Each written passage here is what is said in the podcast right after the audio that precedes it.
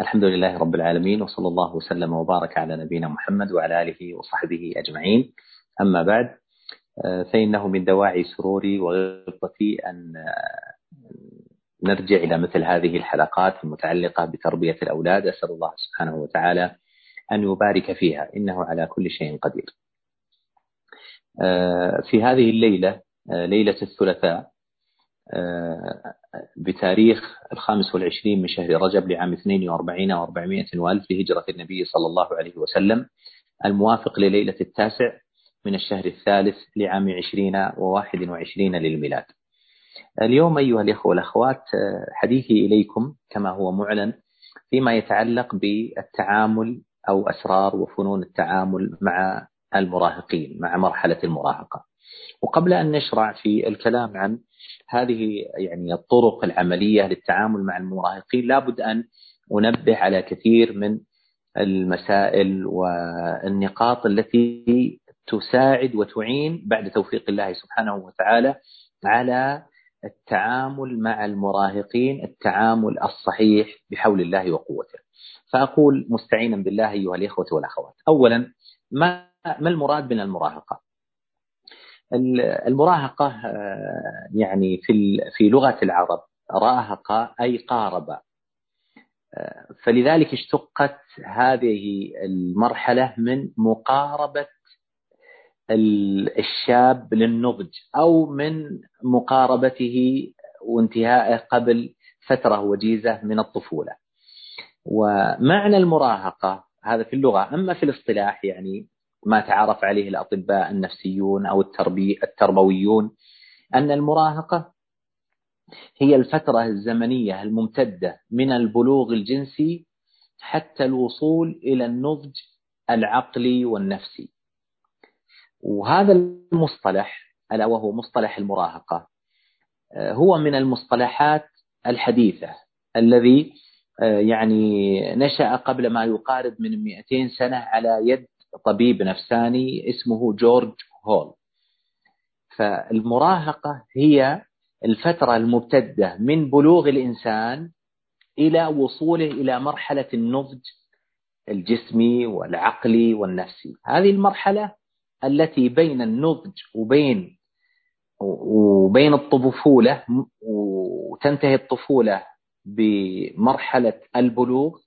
فما بين البلوغ إلى النضج التام الجسمي والعقلي والنفسي هذه المرحلة التي في الوسط تسمى مرحلة المراهقة وهي برزخ ومرحلة وسطية وانتقالية بين مرحلة الطفولة وبين مرحلة النضج. طيب ما الفرق بين البلوغ والمراهقة؟ الفرق بين البلوغ والمراهقة أن البلوغ هو السن الذي تكتمل معه الأعضاء الجنسية ويكون الإنسان ذكرا كان أو أنثى قادرا على التزاوج والإنسال هذا معنى البلوغ. فالبلوغ متعلق باكتمال الأعضاء الجنسية للذكر أو الأنثى وصلاحيتها للتزاوج. هذا معنى البلوغ. أما المراهقة فهو ما تقدم هي مرحلة ما بين البلوغ إلى وصول الإنسان إلى نضجه الجسمي والعقلي والنفسي المسألة التي تليها أو المحور الذي يليه كم فترة المراهقة؟ هل هناك فترة محددة للمراهقة؟ الجواب أيها الإخوة والأخوات أن هذا يختلف من شخص إلى شخص وبيئة إلى بيئة. وبحسب الظروف المحيطة بهذا المراهق فهي فترة انتقالية من الطفولة إلى النضج. طيب هذه الفترة الانتقالية من الطفولة إلى النضج تختلف من شخص إلى شخص. في بعض الأشخاص تكون مرحلة المراهقة قصيرة جدا عندهم بل حتى لا تكاد تظهر. يعني ينتقل من مرحلة الطفولة إلى مرحلة النضج سريعا جدا حتى لا يكاد يقال أن هناك مرحلة انتقالية. وبعض الأشخاص وبعض المراهقين تطول عندهم فترة المراهقة وتمتد إلى سنوات كثيرة وهي المرحلة ما بين الطفولة إلى النضج. فليس هناك وقت محدد أو سن أو سنوات محددة أو مدة زمنية محددة نستطيع أن نقول أن المراهقة تمتدها. ما نقدر نقول لا سنة أو سنتين أو ثلاث لا وإنما هذا يختلف من شخص إلى شخص ومن بيئة إلى بيئة ومن ظروف إلى أخرى. النقطة التي تليها أو المحور الذي يليه هل المراهقة حقيقة أم خيال؟ بعض الناس حينما يرى النماذج المشرقة في وقت من الأوقات في زماننا وتاريخنا الإسلامي أن بعض من يكونون في, في سن المراهقة المفروض أن يكونون في مرحلة المراهقة وجدناهم يقودون الجيوش. مثل أسامة بن زيد رضي الله عنه لما خرج للقتال لما عقد له النبي صلى الله عليه وسلم اللواء وأنفذه أبو بكر الصديق بعد موت النبي صلى الله عليه وسلم. كان زمن أسامة رضي الله عنه ذاك الوقت ما يقارب من سبع عشرة سنة رضي الله عنه وأرضاه. وغيره من الشباب الذين كانوا في مثل هذه السن رضي الله عنهم وأرضاهم كانوا يدخلون المعارك مع النبي صلى الله عليه وسلم والغزوات والجهاد في سبيل الله ومنهم من يبلي بلاء حسنا مثل معاذ ومعوذ رضي الله عنهم وأرضاهم فمن رأى مثل هذه النماذج يقول إن مسألة المراهقة مسألة فقط مخترعة خيالية لا وجود لها وإنما ضخمت. فهذا يعني بعض الناس يقولون ذلك ويقولون إن المراهقة مجرد خيال.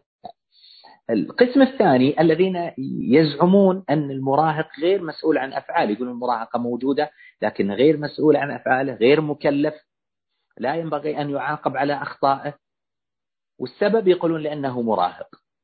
فهذا طرف وهذا طرف والصحيح أيها الإخوة والأقرب الله أعلم أن المراهقة مرحلة زمنية موجودة مرحلة عمرية يمر بها الإنسان وهي مرحلة انتقالية بين الطفولة وبين وبين النضج.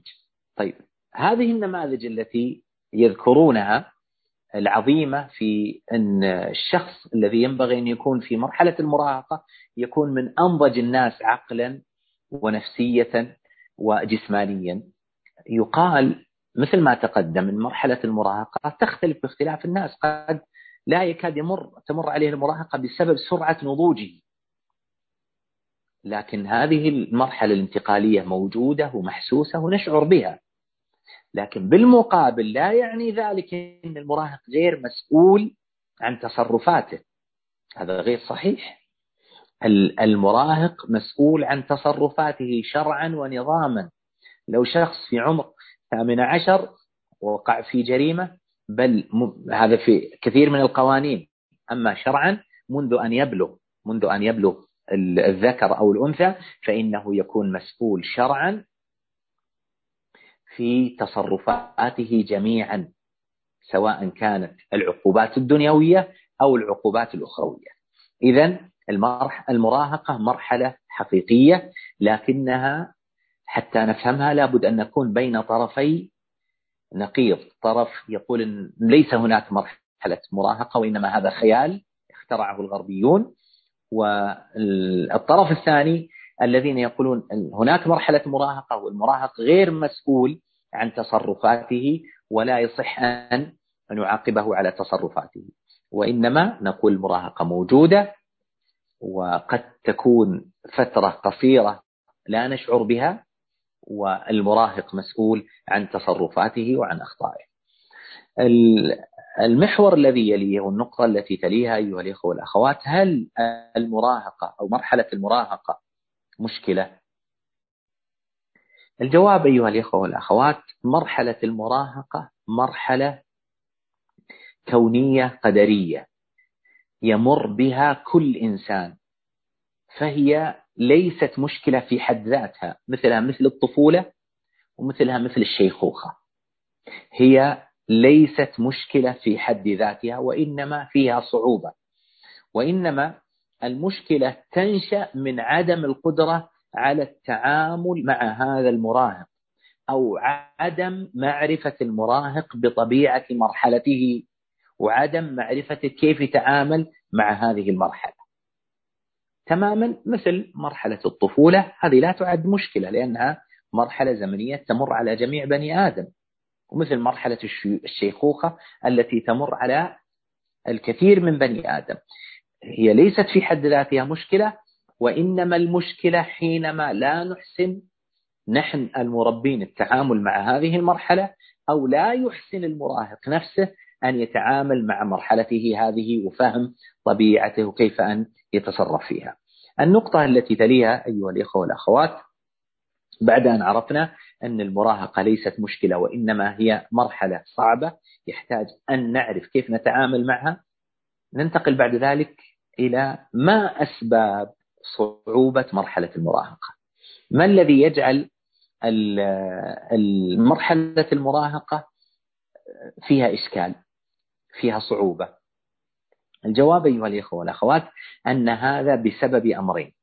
أو ناتج عن أمرين. الأمر الأول أنه ناتج عن المراهق نفسه. كيف؟ المراهق نفسه أحيانا لا يفهم طبيعة مرحلته. هو لأن هذه المرحلة بطبيعتها مرحلة انتقالية تتداخل معها سمات الطفولة مع سمات النضج. المراهق أحيانا تظهر عليه سمات الطفولة وهو لا يحبها يريد أن يتخلص منها. وأحيانا تظهر عليه سمات النضج. وأحيانا لا يريد أيضا سمات النضج لأنها معناه أن يتحمل المسؤولية. فتتذبذب عنده المشاعر تتذبذب عنده الأهداف. فمرة يبكي المراهق أحيانا يبكي كثيرا. وهو لا يريد أن يظهر بهذا المظهر. وأحيانا يريد أنه يعامل معاملة الناضجين فتحدث هنا الإشكالية بسبب أن هذه المرحلة الانتقالية تكون فيها بعض سمات الطفولة وتظهر فيها سمات النضج ويكون المراهق متذبذب في معرفة شخصيته وماذا يريد. الناحية الأخرى التي تحدث بسببها صعوبة التعامل مع المراهق نظرة المجتمع للمراهق. مرة المجتمع يعامل المراهق على أنه طفل والمراهق لا يريد ذلك. ومرة المجتمع يعامل المراهق على أنه ناضج وهو لم يصل بعد إلى حد النضج. المربي حينما لا يعرف طبيعة المراهق قد يتسبب في الوقوع في كثير من الإشكاليات والمشاكل والصعوبات في التعامل مع المراهق. ينبغي أن يعرف المراهق كما سيأتي إن شاء الله تعالى ويعرف المربي للمراهق أن مرحلة المراهقة هي مرحلة انتقالية. توجد فيها بعض سمات الطفولة وتوجد فيها بعض سمات النضج. حتى تنفك أو ينفك المراهق تماما ويخرج عن هذه المرحلة الانتقالية وينتقل إلى مرحلة النضج الخالية تماما من مرحلة الطفولة وسمات الطفولة. أنتقل بعد ذلك أيها الإخوة والأخوات إلى بعض السمات لمرحلة المراهقة يعني السمات الخاصة التي تتميز بها مرحلة المراهقة. السمة الأولى وهي سمة يعني ظاهرة ومعروفة السمات الجسمية. تظهر على المراهق آه، سمات النضج أو بداية النضج الجسماني والجنسي سواء كان ذكرا أو أنثى.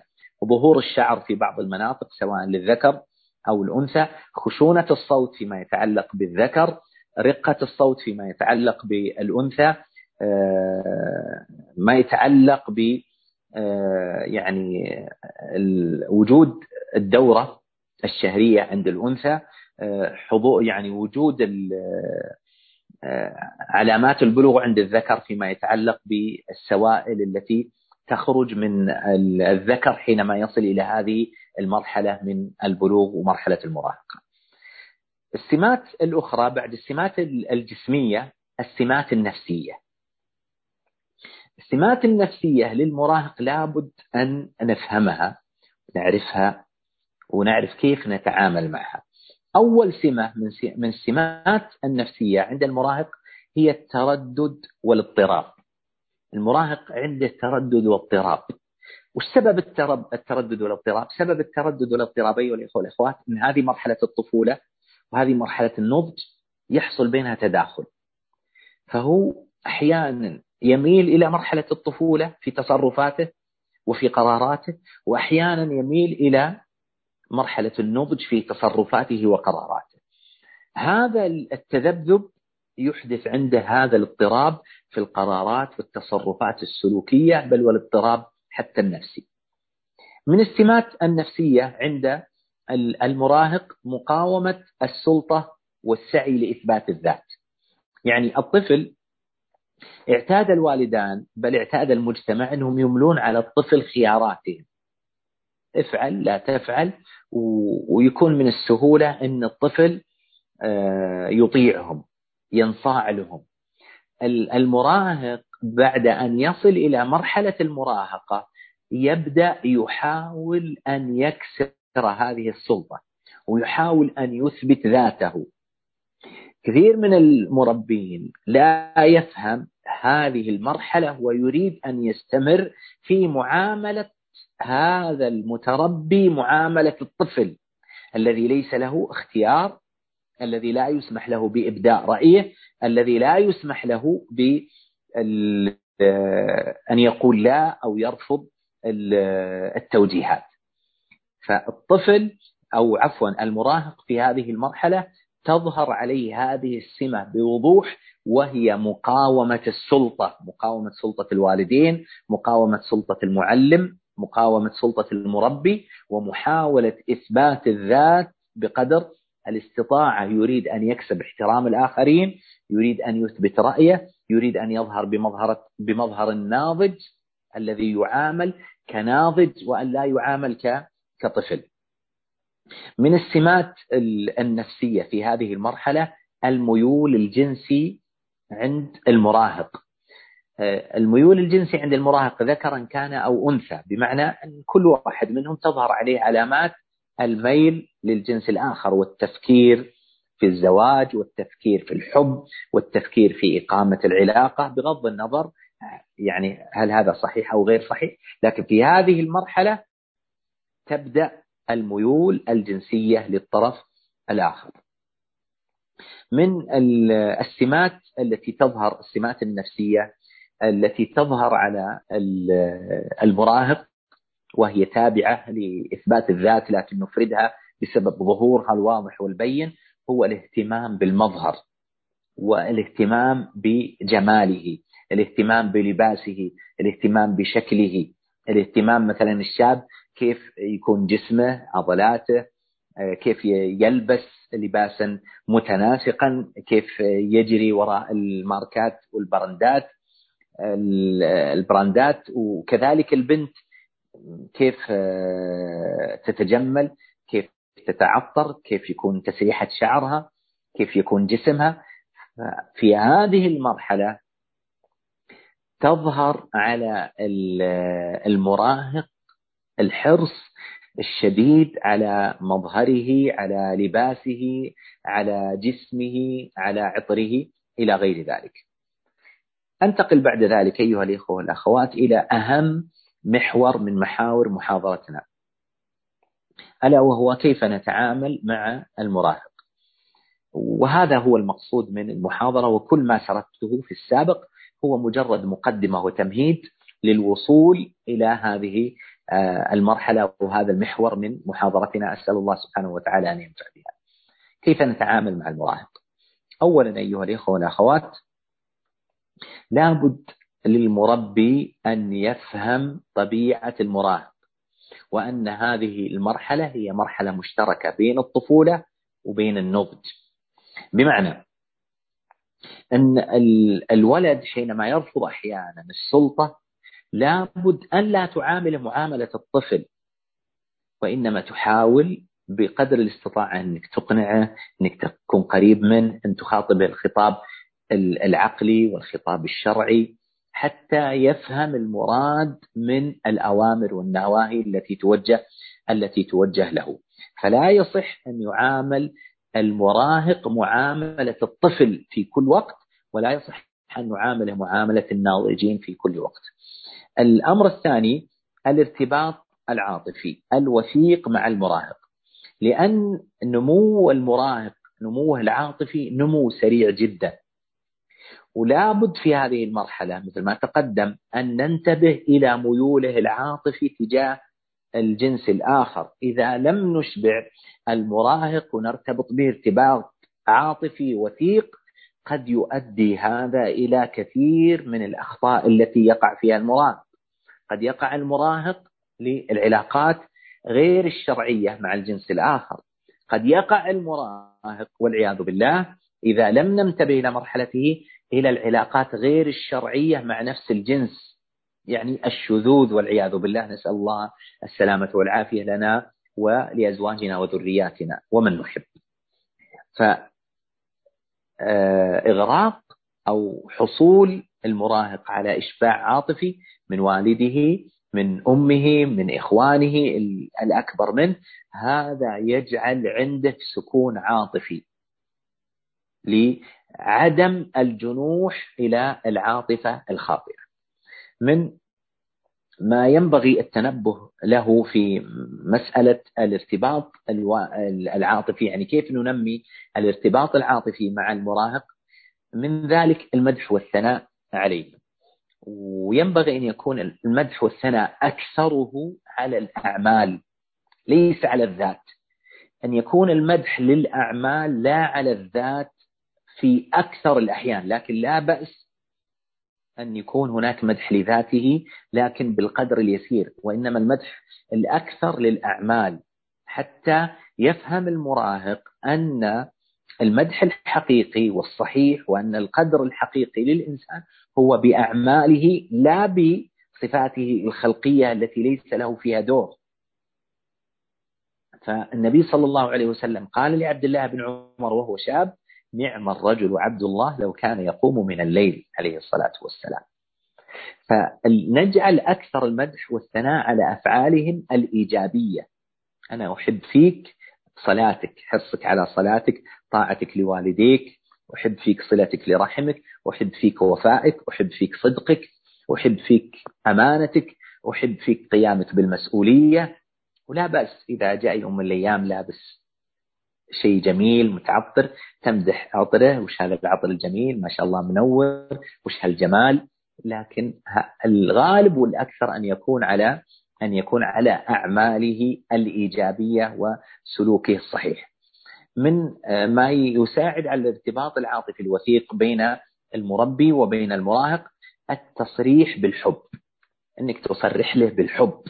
أنا أحبك. يعني بعض الناس ما يعرف التصريح بالحب إلا في أيام أول أيام زواجه لزوجته. والزوجة ما تعرف ذلك إلا في أيام بعد ذا يعني في أول أيام الزواج ثم لا يصرحون بحبهم لبعض مع أنهم يحبون بعض ولا يصرحون بحبهم لأولادهم. أولادنا محتاجون لحبنا العاطفي وحبنا اللفظي واللحظي والعملي. النبي صلى الله عليه وسلم كان يزاول كل ذلك. النبي صلى الله عليه وسلم قال والله إني لا أحبك يا معاذ. لاحظوا؟ النبي صلى الله عليه وسلم يخاطب الشباب عليه الصلاة والسلام. ولما أقبل صغار الأنصار على النبي صلى الله عليه وسلم قام النبي صلى الله عليه وسلم وقال والله إني لأحبكم عليه الصلاة والسلام. والنبي صلى الله عليه وسلم وضع يده كتف يده على كتف معاذ رضي الله عنه وأرضاه. بمعنى أن نظهر الحب لهذا الشاب ذكرا كان أو أنثى. يا إخواني الآباء ويا أخواتي الأمهات لابد أن يشعر المراهق بحبكم له لماذا؟ لأن الشاب أحيانا بسبب طبيعة الأوامر وفرض القانون في البيت قد تأتريه بعض الوساوس من الشيطان والنفس الأمارة بالسوء أن والداه لا يحبانه أنهم يكرهانه وقد بعضنا شعر بهذا لما كان في يوم من الأيام في مرحلة المراهقة. فمما يزيل هذه الوساوس وهذه الأفكار السلبية الخاطئة التصريح بالحب لهم. ومن ذلك أيضا مما يساعد على الارتباط الوثيق العاطفي بين المراهق وبين والديه مشاورتهم. يقول الله عز وجل وشاورهم في الأمر. لا بأس إنك تشاور ولدك. لا سيما في الأمور التي تخصه إذا كانت هناك أكثر من خيار متاح. يعني بمعنى ولدك هذا المراهق ممكن أنه يلبس هذا اللبس أو يلبس هذا اللبس يشتري هذا اللبس أو يشتري هذا اللبس. لا بأس أنك تشاوره ما تفرض عليه. تعطيه حرية الاختيار تشاور في هذا الأمر. إذا أنت مثلا عندك سيان ستذهب إلى المكان الفلاني أو المكان الفلاني لا بأس أنك تشاور. هذا المراهق وتعطيه فرصة على أن يعبر عن شعوره وتعطيه الثقة في أنك تختار الخيار الذي أدلى به. وقال لك أنا والله أنا أرى يا أبوي أنك تفعل كذا. تعطيه الثقة في ذلك وأنك تطيع كلامه. هذا من أعظم أسباب الارتباط العاطفي بين المربي وبين المراهق. من أسباب يعني العلاقة الوثيقة بين المراهق وبين المربي إظهار الثقة به وعدم نزعها منه. يعني لا تخون المراهق حتى لو أخطأ حتى لو أذنب. من ذا الذي ترضى سجاياه كلها؟ كفى المرء نبلا أن تعد معائبه. كلنا نخطي كلنا نذنب كلنا نقصر. لا تنزع الثقة عن ولدك. لا تنزع الثقة عن المراهق. لا تقول له أنت ما فيك خير. لا تقول له أنت خائن. لا تقول له أنت ليس لك عهد ولا أمان حتى لو أخطأ أعطه فرصة لا تعزز عنده السلوك السلبي بمثل هذه الألفاظ. بالعكس حتى لو أخطأ قل أنا سأظل أثق بك. وهذا الخطأ يا ولدي يا بنتي هو من طبيعة البشر. وأرجو أنك مثل ما أعطيتك الفرصة أني أثق فيك أنك تثبت لي أنك محل هذه الثقة حتى لو أخطأ حتى لو أذنب حتى لو قصد. لأنك إذا أشعرت المراهق بعدم الثقة كسر الحاجز وكل الحواجز في أنه يخطئ ويذنب ويخالف ويكسر سلطتك عليه ويكسر أوامرك ونواهيك. من آه، أسباب آه، تقوية العاطفة بين المربي وبين المراهق ألا وهو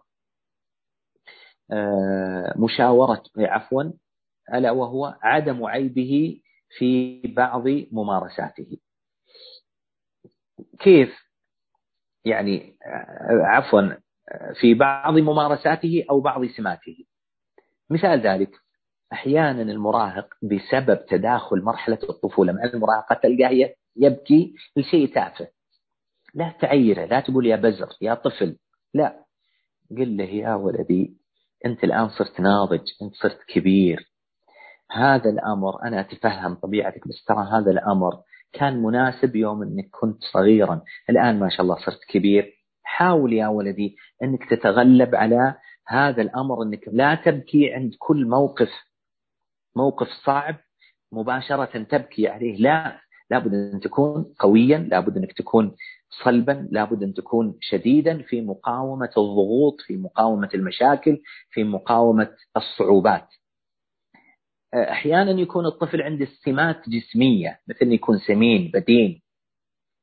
أو يكون لونه آه، على أحد الألوان يعني مثلا يكون هو آه، يختلف لونه عن ألوان إخوانه. ينبغي عليك أنك ما تعيره بهذا الأمر لا بوزنه لا بلونه بقدر الاستطاعة. ولو وقع منك ذلك أحيانا حاول أنك لا تكثر منه لأن هذا يسبب عنده قد يسبب عنده عقدة.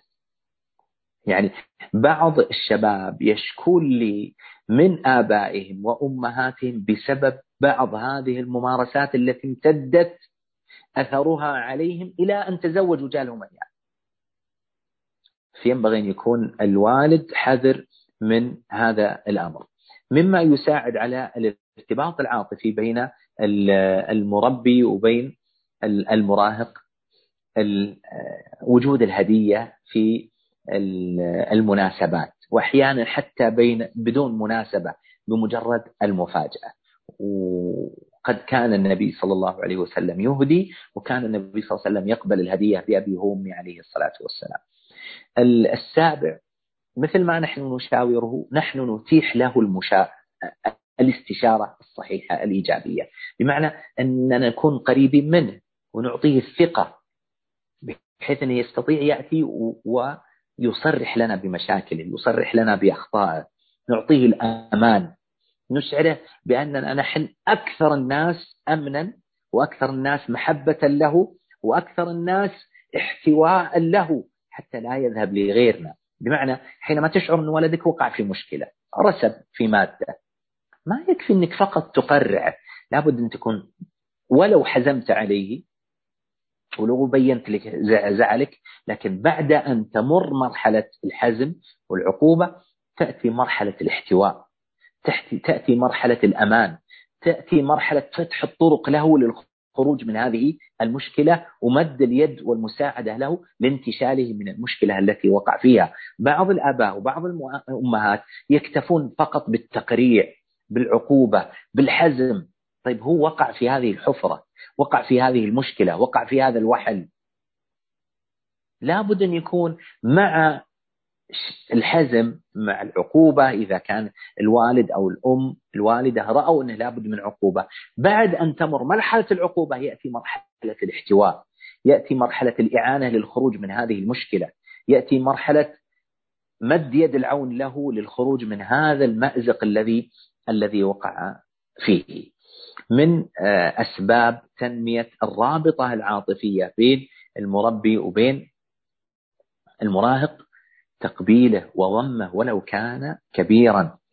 النبي صلى الله عليه وسلم كان يقبل فاطمة بعد أن تزوجت بأبي هو وأمي عليه الصلاة والسلام. النبي صلى الله عليه وسلم كان يضم الصغار عليه الصلاة والسلام بأبي هو وأمي عليه الصلاة والسلام. فالولد ذكرا كان أو أنثى يحتاج إلى ضمة الأب ضمة الأم. القبلة العاطفة الدفء العاطفي النفيض عليهم. أحيانا عند نومهم حين استيقاظهم من النوم قدومهم من السفر آه، إنجازهم تضمه بعد إنجازه تضمه إذا وقعت له مشكلة. بمعنى أنك تشاركه الفيض العاطفي السلوكي والمعنوي في أفراحه وفي أتراحه في مناسباته. من أسباب تنمية الرابطة العاطفية بيننا وبين المراهق الحوار. الحوار والنقاش قبل العقوبة والقطيعة. لابد أيها الإخوة والأخوات أن يكون للمراهق أن نعطيه مساحة من يعني تجربة هذه المرحلة الجديدة. يعني هو الآن دخل في سن المراهقة. قد يخطئ وتكثر أخطاءه. لا يصح أن نعاقبه مباشرة وإنما ينبغي أن نبين له ونحذره وقد أحيانا نستخدم معه في المرحلة الثالثة التحذير الشديد أو التهديد من الحزم. ما يأتي العقوبة مباشرة. الله سبحانه وتعالى وهو خالقنا ومحيينا ومميتنا ورازقنا سبحانه وتعالى. هل رأيتم الله عز وجل يعاقب عبده من أول ما يقع في الذنب؟ تجدون النبي صلى الله عليه وسلم يقول إن الله ليملي للظالم. يعني يعطيه فرصة ويعطيه فرصة ويعطيه فرصة. لازم نعطي أولادنا.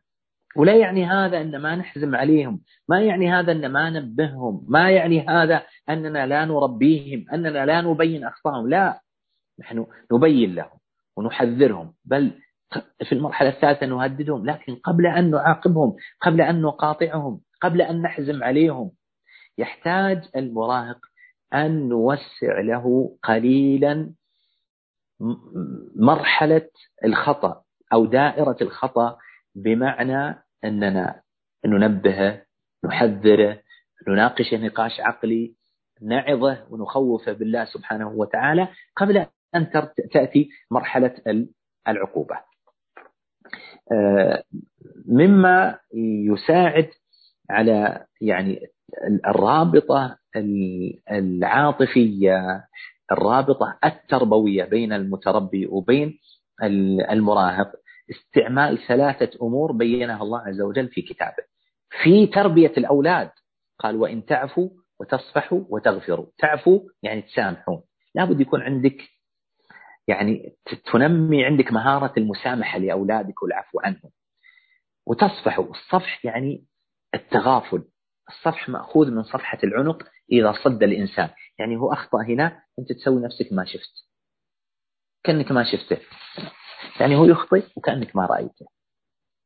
وتغفر يعني تستر عليه. ما تروح تفضح به قدام أمه وقدام إخوانه وقدام خوالة وعمانه وجده وجدته. الله عز وجل قال وإن تعفوا وتصفحوا وتغفروا. العفو المسامحة الصفح التغافل والصد كأنك ما شفت وتغفروا يعني تستر عليهم ولا تفضحهم.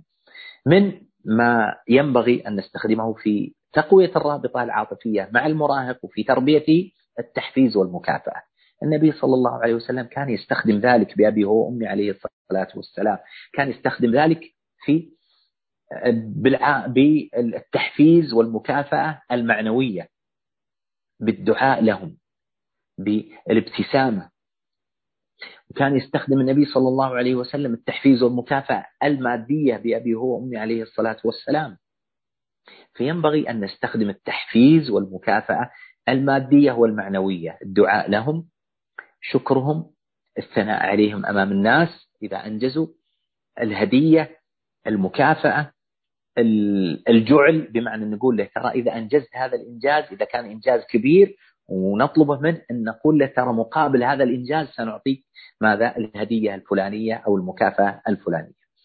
مما يعين ويساعد على تقوية الرابطة العاطفية بين المربي وبين المراهق الاحترام والتقدير.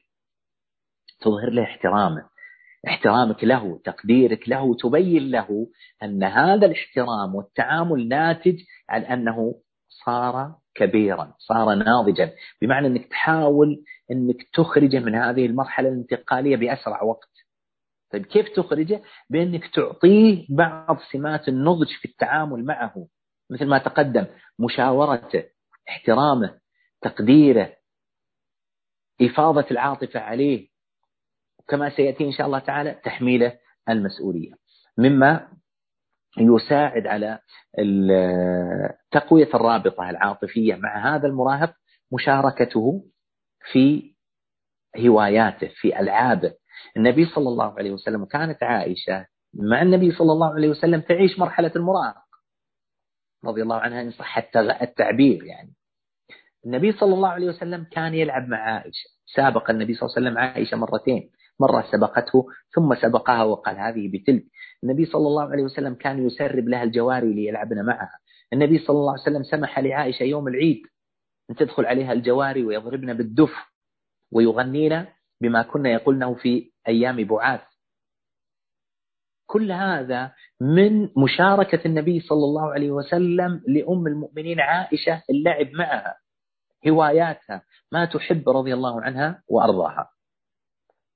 من ما يساعد في تربية المراهق وتقوية الرابطة العاطفية معه العلاقة الفردية.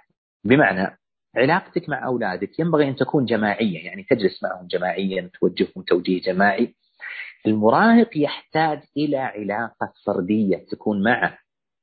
إذا جلست تحاول تجلس معه أحيانا جلسات فردية تخرج معه آه، لبعض المشاوير تخرج معه أحيانا للمقهى تخرج معه أحيانا للمطعم تكافئه بخروج لوحدك أنت وإياه.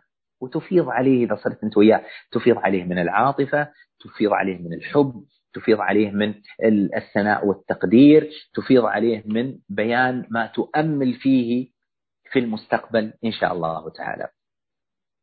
الأمر الذي يليه مما يتعلق بتقوية العاطفة وتربية المراهق عدم السخرية من أخطائه. إذا أخطأ الولد ينبغي أن نعامل هذا الخطأ المعاملة الصحيحة دون أن نسخر منه. دون أن نستهزئ منه دون أن نعيره لأن هذا مما نهى الله عز وجل عنه. السخرية منه والاستهزاء منه وتعييره بهذا الخطأ هذا يسمى تعزيز السلوك السلبي. أنت قاعد تعزز السلوك السلبي في ولدك. حينما تسخر منه تستهزئ منه يقول لك إيه، طيب أنا كذا سأبقى هكذا. ويبدأ يعاقبك أو ينتقم منك فيما يظنه بأنه يتعزز عند هذا السلوك السلبي والعياذ بالله. من ما يساعد في تنبية الرابطة العاطفية بيننا وبين أولادنا عموما والمراهقين خصوصا احترام صداقاتهم ودلهم على الطريقة الصحيحة في تنمي في اختيار الصداقات. ولدك سواء كان ذكر أو أنثى سيختار. أنت علمك كيف يختار أصدقائه. يعني ولدك في يعني ممكن إنك تقول له يا ولدي لما يبدأ مرحلة المراهقة أنت يا ولدي أنت تعرف أن التدخين ما يجوز وحرام وضار؟ أنا بس بطلب منك يا ولدي طلب. حاول أن يكون أصدقائك بعيدين عن هذه العادة السيئة. لأن كلما كان أصدقائك بعيدين عن هذه العادة السيئة كنت بعيدا عنها بإذن الله تعالى. حاول يا ولدي أنك حينما تختار أصدقائك ما يكون عندهم العلاقات المحرمة حتى ما يزينونها لك. حاول أنك تبحث عن أناس طاهرين مثلك. بعيدين عن هذه الأوبئة. أنت الآن تعزز فيه السلوك الإيجابي تعلمه طريقة كيف يتعامل مع أصدقائه وكيف يختار أصدقائه كيف يرتبط بأصدقائه وإذا اختارهم ينبغي أنك تحترمهم تقدرهم تحاول أن يكون لك علاقة بهم. معرفتهم أنك تطلب منهم أنهم يزورونك يزورونكم في البيت آه، لوليمة تقدرهم حينما يأتون. آه، في هذه الوليمة تشترك الأب والأم في الإعداد لهذه الوليمة. إذا جو إذا كانوا مثلا ذكور يستقبلهم الأب بس ما يستقبلهم يصير 24 يعني طول الوقت معهم يستقبلهم تجاذب أطراف الحديث معهم تعرف عليهم وعلى أبائهم ثم بعد ذلك ينسحب ويتركهم. يعني يزاولون بقية آه، ساعات جلوسهم. وكذلك إذا البنات مع مع أمهم إذا كان هذا متاحا في محيطهم وفي عرفهم. آه، مما يساعد على تنمية الرابطة العاطفية ولابد منه في تربية الأولاد عموما والمراهق خصوصا لابد أن نعامله معاملة الناضج أحيانا بتحمل تحميله المسؤولية بأننا نثق فيه سواء كان ذكرا أو أنثى. الأم تحمل بنتها المسؤولية آه، في الطبخ في إعداد المنزل في آه، تنظيف المنزل في القيام ببعض الواجبات معها. كذلك الأب حينما يريد أن يقوم ببعض الواجبات للبيت للسيارة للوليمة يحمل هذا الولد جزء من المسؤولية حتى يستطيع بإذن الله تعالى أن يتربى رويدا رويدا على تحمل المسؤولية الكبرى والنجاح إن شاء الله تعالى في المستقبل في في أسرته. آه، من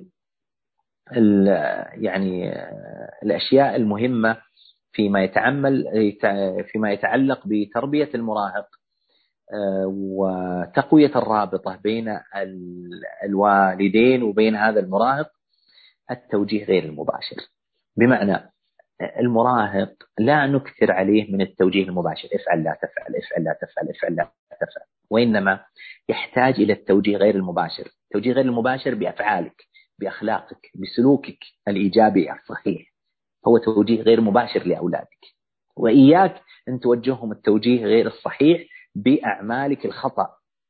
تكذب لا تصدق تخون الأمانة لا تفي بوعدك آه، تسب تشتم آه، لا تحترم الكبير أمامهم لا ترحم الصغير لا تحترم أمهم.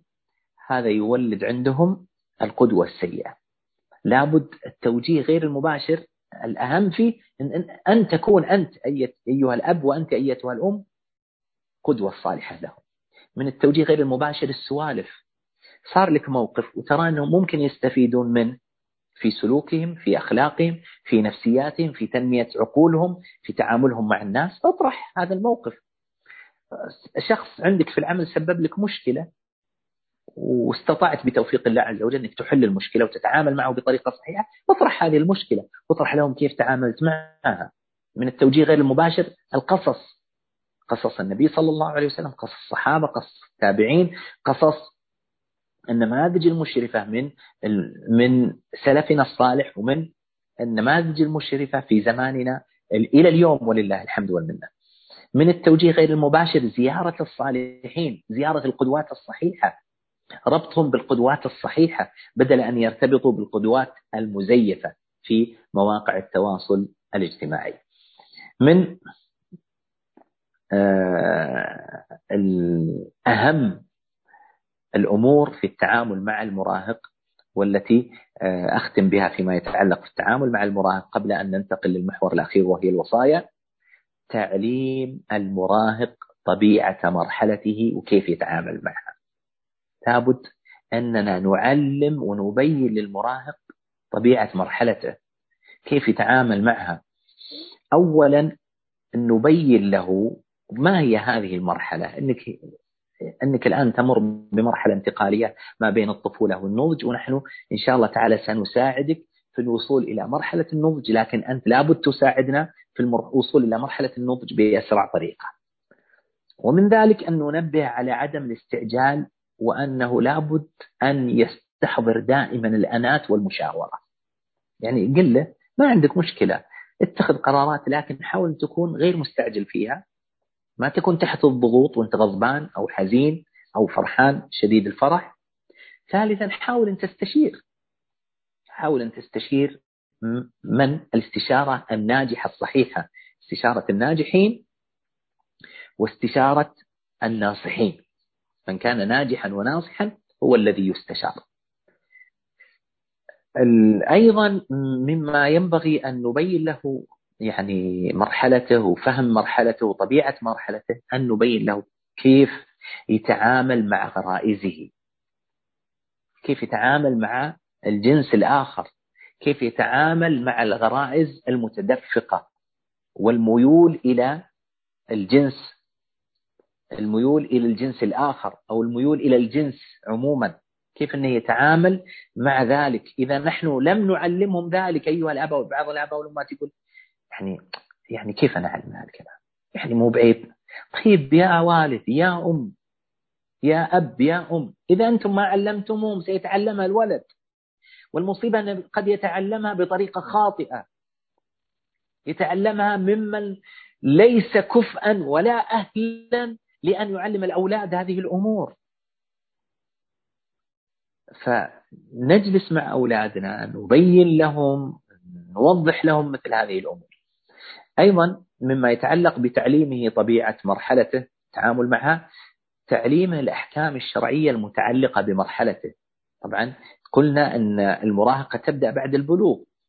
فالبلوغ له أحكام شرعية متعلقة بالحيض متعلقة يعني بالدورة الشهرية متعلقة بالإحتلام متعلقة بخروج السوائل من الذكر أو الأنثى. هذه أحكام فقهية تتعلق بها الطهارة وتتعلق بها الصلاة. لابد أن نعلم الولد ونعلم البنت مثل هذه مثل هذه الأمور. أيضا آه، والذي أختم به فيما يتعلق بتعليمه طبيعة مرحلته أن نعلم أولادنا كيف يتعاملون مع أخطائهم كيف يتعاملون مع ذنوبهم لابد أن تعلم ولدك كيف يخرج من خطأ كيف يخرج من الذنب الذي يقع فيه فيما بينه وبين الله سبحانه وتعالى. لا يصح أن نجعل أولادنا فريسة وأسرى لذنوبهم وفريسة سهلة للشياطين الإنس والجن. مثلا لابد أن نعلمهم أن الأصل فيك الاستقامة أنك طيب أنك تحب الله ورسوله صلى الله عليه وسلم. ولكن ينبغي عليك أن تراعي في أخطائك وفي ذنوبك عدة أمور. تراعي عدم المجاهرة حتى لو وقعت في الذنب يا ولدي يا بنتي لا تجاهروا كل أمتي معافى إلا المجاهرون. أيضا تحاول أن تقنعه أنه إذا أخطأ أنه يوازن مع الذنوب الصالحات. إن الحسنات يذهبن السيئات. أتبع السيئة الحسنة تمحها أيضا مما ينبغي أن نعلم المراهق عدم الإصرار على ذنبه. وأن دائما يبادر إلى التصحيح وأن تكون صحيفة أعماله وسلوكياته مثل السبورة البيضاء إذا أذنب وخط عليها بالخط الأسود أنه يمسحها يمسحها بالاستغفار بالتوبة بالإصلاح بالإكثار من بالإكثار من الحسنات. أيضا مما ينبغي أن ننبه أولادنا عليه في التعامل مع ذنوب مع أخطاء ألا ييأس ألا يجعل الشيطان ييأس من كثرة أخطائه. ترى أنت بتخطي يا ولدي ستخطئ كثيرا قد تذنب كثيرا. قل له قول النبي صلى الله عليه وسلم إنكم تذنبون بالليل والنهار ولو لم تذنبوا لذهب الله بكم وأتى بقوم يذنبون فيستغفرون فيغفر الله لهم. علمه أن الخطأ والذنب من طبيعة ابن آدم لكن الموفق هو الذي لا يصر ولا يجاهر ولا يكثر والذي يتوب ويستغفر هذه الأمور تجعله ماذا؟ تجعله يعرف كيف يتعامل مع ذنوبه ومع أخطائه ولا يكون فريسة سهلة لا لشياطين الإنس والجن ولا أن يكون أسيرا لذنوبه وأخطائه التي قد تورده المهالك والعياذ بالله المحور الأخير الذي أختم به وأرجو أن أكون ما أطلت أظني أخذت الوقت ألا وهو بعض الوصايا المهمة للآباء والأمهات لإخواني وأخواتي. أول وصية أيها الإخوة والأخوات أن هذا كل الذي ذكرنا مجرد أسباب. ومسبب الأسباب هو الله سبحانه وتعالى. يقول الله عز وجل ومن يتوكل على الله فهو حسبه. وبين الله عز وجل حال المؤمنين والذين يقولون ربنا هب لنا من أزواجنا وذرياتنا قرة أعين واجعلنا للمتقين إماما. والذين يقولون يعني دائما يقولون يعني هذا عمل مستمر إنهم يدعون لأنفسهم ولأزواجهم ولأولادهم. إبراهيم عليه الصلاة والسلام ربنا واجعل فيهم رسولا منهم يتلو عليهم آياتك ويزكيهم ويعلمهم الكتاب والحكمة إنك أنت العزيز الحكيم. بمعنى أكثروا أيها الإخوة والأخوات من الدعاء أكثروا من الدعاء. الوصية الثانية الرفق الرفق. النبي صلى الله عليه وسلم لما دخل عليه بعض اليهود وقالوا السام عليك يا محمد يقصدون الموت والهلكة قال النبي صلى الله عليه وسلم وعليكم. فقالت عائشة وكانت وراء الستر وعليكم السام واللعنة والغضب يا إخوان القردة والقنازير فقال النبي صلى الله عليه وسلم ما هي عائشة؟ قالت ألم تسمع بأبي وأمي؟ يا رسول الله ماذا قالوا؟ قال ألم تسمعي ماذا قلت؟ قلت وعليكم واحدة بواحدة. يا عائشة ما كان الرفق في شيء إلا زانه وما نوزع في شيء إلا شانه. وإن الله يعطي على الرفق ما لا يعطي على العنف. وإن الله يعطي على الرفق ما لا يعطي على شيء سواه.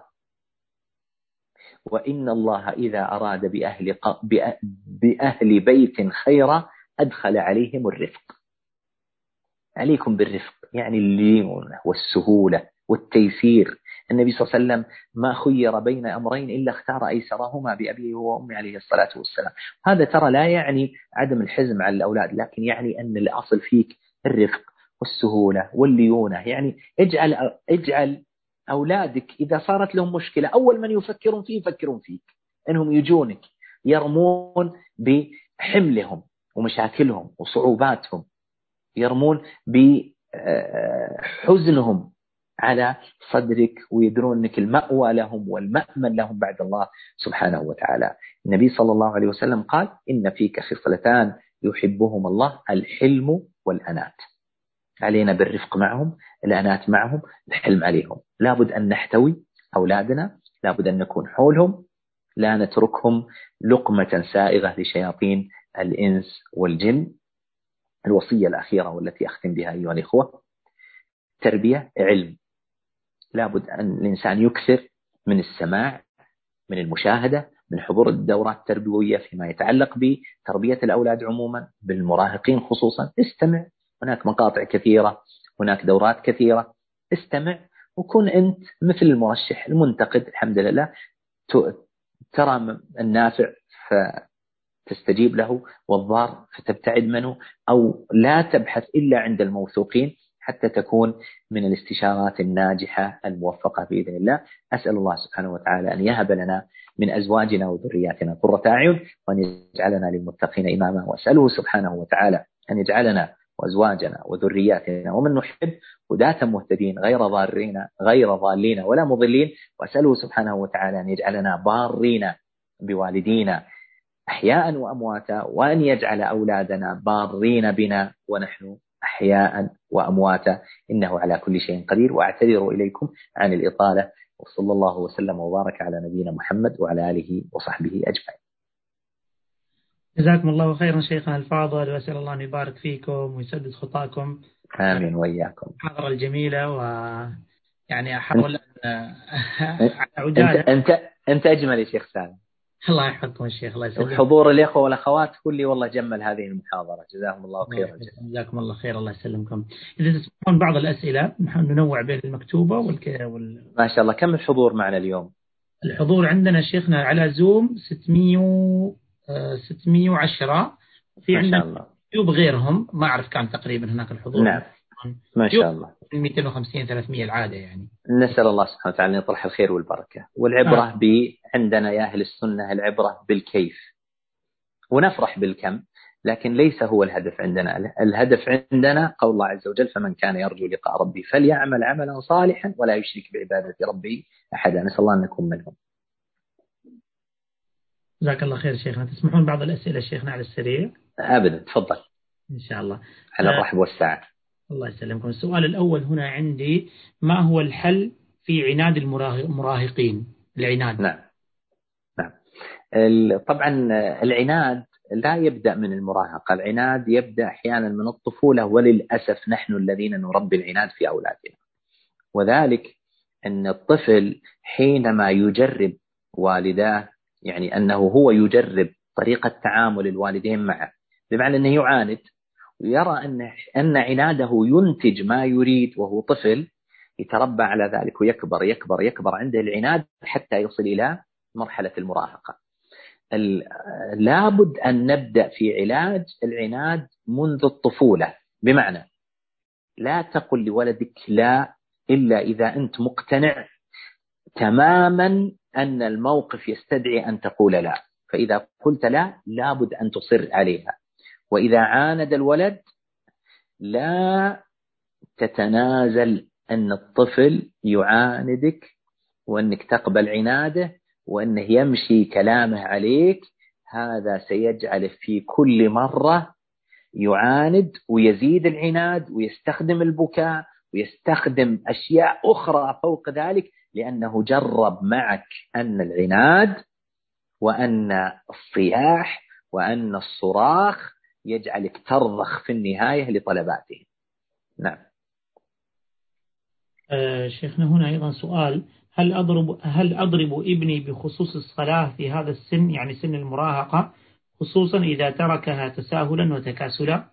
نعم. الجواب المسألة الضرب أيها الإخوة والأخوات لابد أن نعرف أن الضرب مثل الكي. لا يستخدم إلا في حالتين. الحالة الأولى آخر العلاج الثاني أن نجزم يقينا أنه نافع. تجزم يقينا. لأنه قد الضرب يجعل ولدك يكره ويكره الصلاة. إذا كان بطريقة صحيحة ولم يكن مجرما نظاما ولا قانونا أعيد وأكرر. لأن بعض البلدان ضرب الولد مجرم نظاما وقانونا ينبغي أن ينتبه الآباء إلى أن هذا قد يؤدي إلى مفاسد كثيرة. فنحن لا نقصد خرق القوانين. أي شخص يسمعنا اليوم وعنده النظام والقانون يمنع ذلك نحن نقول ينبغي أن تمتثل للنظام والقانون. حتى لا يتسبب عليك ولا على أسرتك بما بمفسدة أعظم.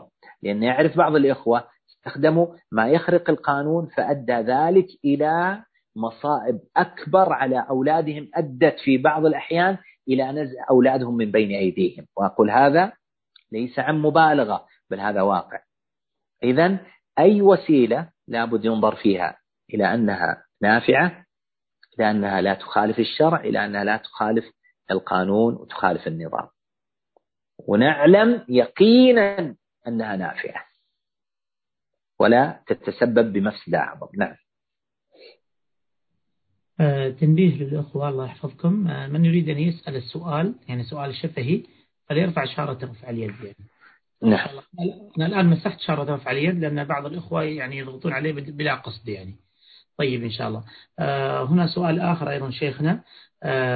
يعني ما هي الحدود بالنسبة لل يعني مثلا في في في الأعراس أو في بعض المناسبات مثلا عرس الأخت مثلا. فما هي نعم. الحدود التي مثلا واحد فقط السلام المصافحة للأخت مثلا أو ما هي الحدود اللي يكون بين المع... بين المحارم؟ ال ال ما بين المحارم يجوز للمحارم أن يقبل محرمه. والنبي صلى الله عليه وسلم كان يقبل عليه الصلاة والسلام. فاطمة وكان أبو بكر الصديق يقبل يقبل عليه الصلاة والسلام كان يقبل عائشة فيجوز أن يصافحها يجوز أن يقبلها يجوز أنه يضمها.